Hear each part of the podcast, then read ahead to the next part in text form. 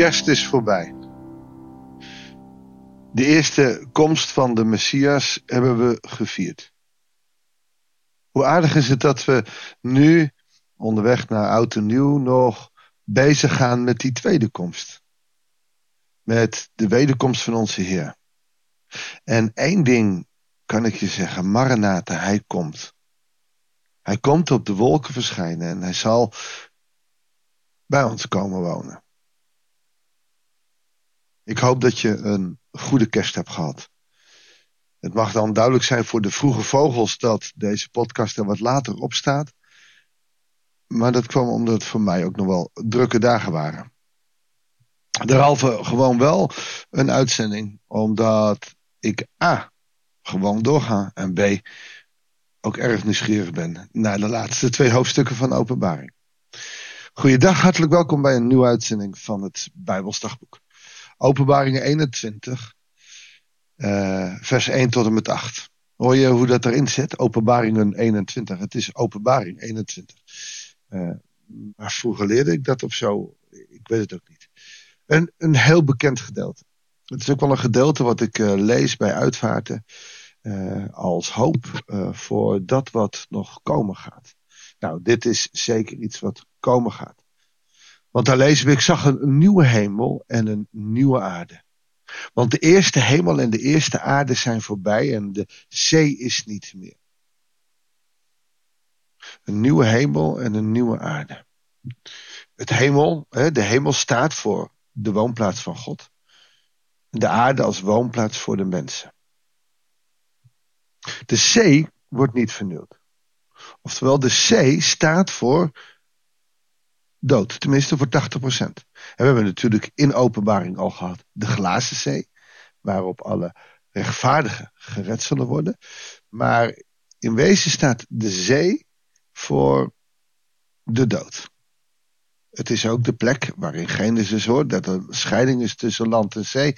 Want in zee kan de mens niet leven. Je kunt even een poosje zwemmen. Uiteindelijk zullen we verdrinken. We kunnen ons daar niet redden. Hooguit de vissen.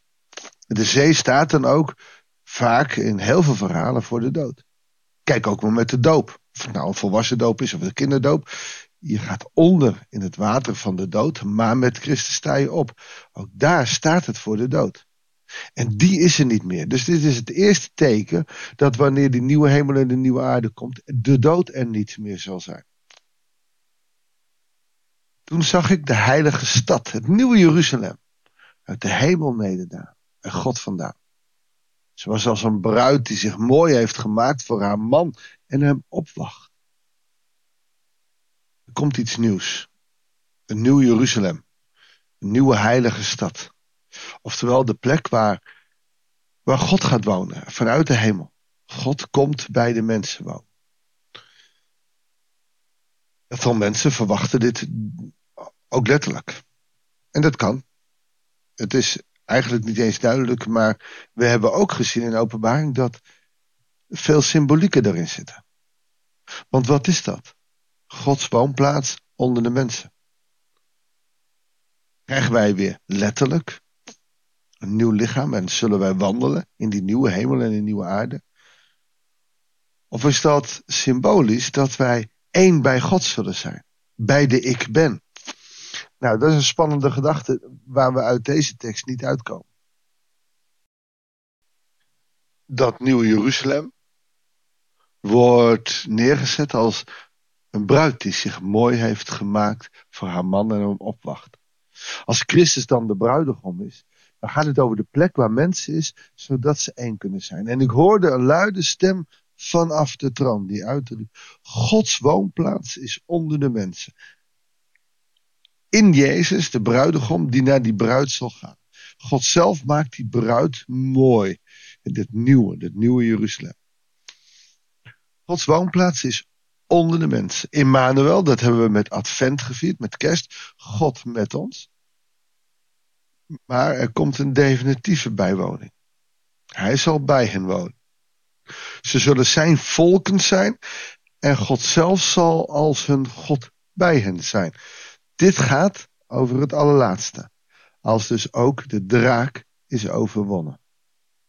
Hij zal alle tranen uit hun ogen wissen. Er zal geen dood meer zijn, geen rouw, geen jammerklacht, geen pijn. Want wat er eerst was, is voorbij. Hij die op de troon zat, zei. En nou, nou zie je dus weer hoofdstuk 4, hè, die, die troon. Alles maak ik nieuw. En nu gaat hij zich als ware bekendmaken. Dus wat in hoofdstuk 4 aan ons voorzegd is. En dan zie je dat het helemaal geen hoofdstukken zijn. Dat het één lange brief is. één lange uh, projectie van wat er in de hemel en hierna zal gebeuren. Uh, hij die op de troon zat zei, alles maak ik nieuw. En als daar staat alles, dan is dat ook alles. En ik hoorde zeggen, schrijf het op, want wat hier wordt gezegd is betrouwbaar en waar. En dat is niet alleen dit hoofdstuk, dat is heel openbaring. Het is betrouwbaar en waar. Degene op de troon verheft nu zijn stem. En zegt, hé, hey, wacht er even. Ik maak alles nieuw. En alles wat je hier ziet, als je het even gaat onderscheiden, God en, en de Zoon. De Zoon heeft dit aan Johannes doorgegeven. En God bevestigt nou, zet zijn stempel eronder. Zie, dit is betrouwbaar en waar, ik maak alles nieuw. En toen zei hij tegen mij, het is voltrokken. Ik ben de alfa en de omega, het begin en het einde. Een mooie gezegde, ik ben de alfa en de omega. De alfa is de eerste letter van het Hebreeuwse alfabet en omega is de laatste. Het begin en het einde. Hij is de genesis en de openbaring. Het begin van ons leven, het eind van ons leven. Het begin van de eeuwigheid en het einde van. Oh nee, de eeuwigheid kent geen einde. Nee, de eeuwigheid is het einde. We zullen voor altijd bij hem zijn. Wie dorst heeft, geef ik vrij te drinken uit de bron met water dat leven geeft. Er is geen restrictie meer. Je hoeft er niks voor doen, je kan drinken, je zult eeuwig leven hebben. Wie overwint, val, vallen deze dingen toe. Wie zijn dat die overwinnen?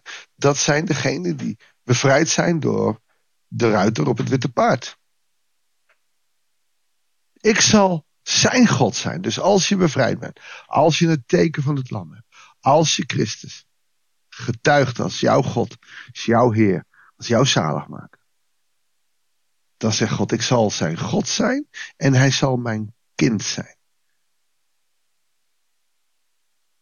Maar er komt meteen een maar. Maar voor hen die laf en trouwloos zijn geweest, die zich hebben ingelaten met gruwelijke dingen, met moord, ontucht, toverij, afgodendienst, voor alle die de leugen hebben gediend, hun deel is de vuurpoel met de brandende zwavel, dat is de tweede dood. Het zijn dus mensen, waarvan je ook in openbaring ziet, in de laatste hoofdstukken, die, wat er ook gebeurt, geen spijt hebben van wat hun deel was. Geen spijt hebben van hun zonde.